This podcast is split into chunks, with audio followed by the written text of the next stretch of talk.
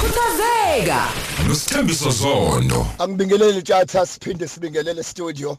Umlaleli esekhaya cha tjatha sisakuzona e- ezemndeni ngoba engazuza uthi la ebambeke khona.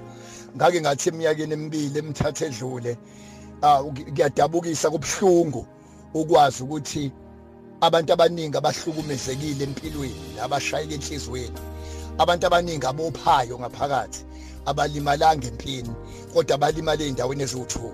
Abantu balimala othandweni kuma-relationships abantu balimale emakhaya bhuti ayikho into ebuhlungu njengokuhlukumezeka endaweni ebekufanele ngabe ududuzeka kuyona upholela kuyona. Ayikho into ebuhlungu njengokubikelwa mawuzoya kwakho ubikelwe mawuzoya ekhaya. Let me repeat again. Abantu abaningi abalimele abalimalanga empini kodwa balimala ey'ndaweni eziwu-two balimale kuma-relationship othandweni balimale emakhaya. Kubhlungu ukulinyazwa umuntu ongasoze wamphinisela ningizimu afrika ngicela silalele singomama singobaba silalele singamakhehla sogogo silalele siyingane nje ningizimu afrika ezweni lakithi. Kubhlungu ukuhlukunyezwa ulinyazo umuntu. Futhi engathi usekuhlukumezela kona ukuthi uyazi ukuthi ngeke umphinisele kubhlungu ukuthakathwa umuntu ongathi mawuyohlola avele kanti usibani bani uthi ngeke ngikwazi ukumphinisela umntakamalo kubhlungu kuhlukunyezwa isithandwa sakho osusibekezelela isikhathi eside. Futhi nje ake ngikhulume la nomhlungu otriple S masixoxa bathi la othandweni mawubona umuntu ebekezele. Akumnandi njalo bakwethu ukubekezela. Sicela bonke abantu abahlukumeza abantu ngoba sebeyazi ukuthi ubekezele. Phela kunomuntu othi mawulunga bese cabanga ukuthi awuphilile ekhanda. And u99% wabantu abahlukumezekile othandweni abahlukunyezwe emndenini yilabantu abalungile abenza kahle. La emhlabeni walunga wenza kahle ubokwazi ukuthi usuyibizele vele ukuhlukunyezwa. Ngiyazi ukuthi ikhona ireward ukhona umkomelo wokuthi walunga. Kodwa size sazi-ke thina bakwethu ake sivuse unembeza kubantu abahlukumeza abantu abalungile. Naliki iqiniso engilisabayo wonke umuntu ohamba ngaphansi komthunzi welanga omncane omdala ompunga wonke unento emgadile abantu abazisintu abayibiza ngomsamo abakholwayo bayibiza ngemfihlakalo yezulu ukuthi umethu uJehova othinta wena uthinta inhlamvu yeso lakhe. Kunabantu abagathiwe behamba phansi omthunzi welanga. Ongathi mawubahlukumeza bakuxolele kodwa izinto ezisemva kwabo nezinto eziphakathi kwabo zingakuxoleli. Ngifuna manje right now ukulapha ubhuti usisi umama.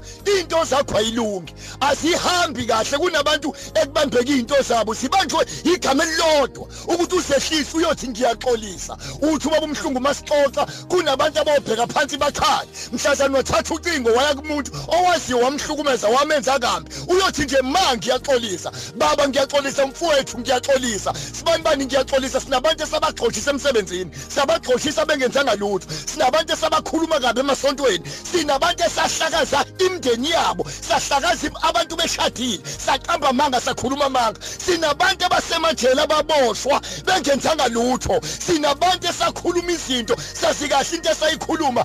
Ayizange ayizange bekhona ngizokhuluma right now kumuntu ongilalele. Ngifuna mangikhuluma awe njengoba ngikhuluma kunomuntu othi ey ungathi uzonto ukhuluma nami. Let me tell you ngikhuluma nawe ngqo. Futhi uzwazi ukuthi makunomuntu omazelayo owenza into enjalo uze mthumelele mthumelele lo myalezo. Ungakhulumi wena manje urekhode lethu uyithumele iye kuyena ngqo. Ngoba mhlazani wafunda ukuthi ngiyaxolisa uyokhala. Uguqe phansi uthi inkosi sengahlupheka kangaka kanti nje ngangibanjwe igama elilodwa lokuthi ngiyaxolisa. Kubhlungu ukuxolisa. Akumnandi uxolisa kubhlungu nokuxolela.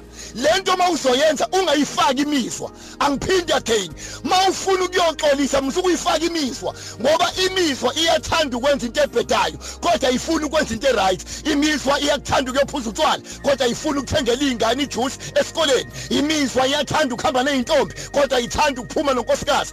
Imizwa iyathanda ukuzula nabantu abangasile kodwa ayithanda ukuhamba nabantu aba-right. Imizwa iyakuthanda ukubamba iqubu kodwa ayithanda ukuxolela nokuxolisa. Ngizothi sibambe igama elilodwa cause FM sesivala sihlele emateksini sihlele emotweni sihlele noma yikephi. Kunabantu abale akunabantu abaseyiphedlela bafoka ama drip mangangena ucingo lakho nje kuthi sibanibana ngenzaka kahle kwena. Ngiyaxolisa. Lo muntu angaqeqa ama drip aphume esibhedlela. Kanjalo kunabantu abalele emahodini abanye bako ICU abanye basemathuneni. Bangeniswe into eyi1 belwe negama elilodwa. Ngiyaxolisa noma ngiyaxolela. Amagama amabili la engicabanga ukuthi angalekelele emthenini sisizwe sintuntu. Siphila kabuhlungu bafethu siyapatanisa. Kubhlungu kusebenza 30 days uhole kanye. Usebenza 365 days uhole ka12 nakhona uyahlukumezeka. Hola mhla ka30 imali usayibona mhla ka3 siyapatanisa simndeni siyapatanisa sabantu. Ngiyacela siyithobe bonke ozakewu abehle emthini.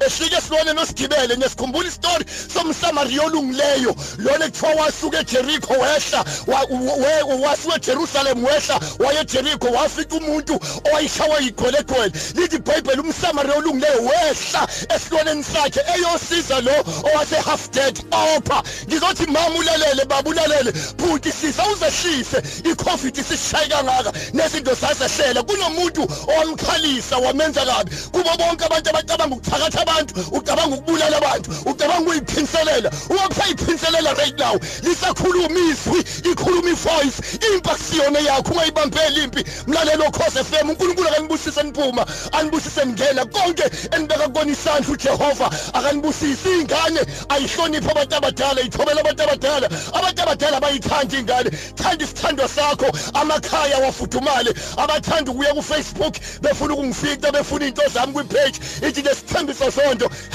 #abaphila abantu. Sithembiso sonto #abaphila abantu. Noma noma ungi-SMS nje ku 066 053 0791 066 053 0791 God bless you uNkulunkulu akanibusise khuthazeka nosithembiso zondo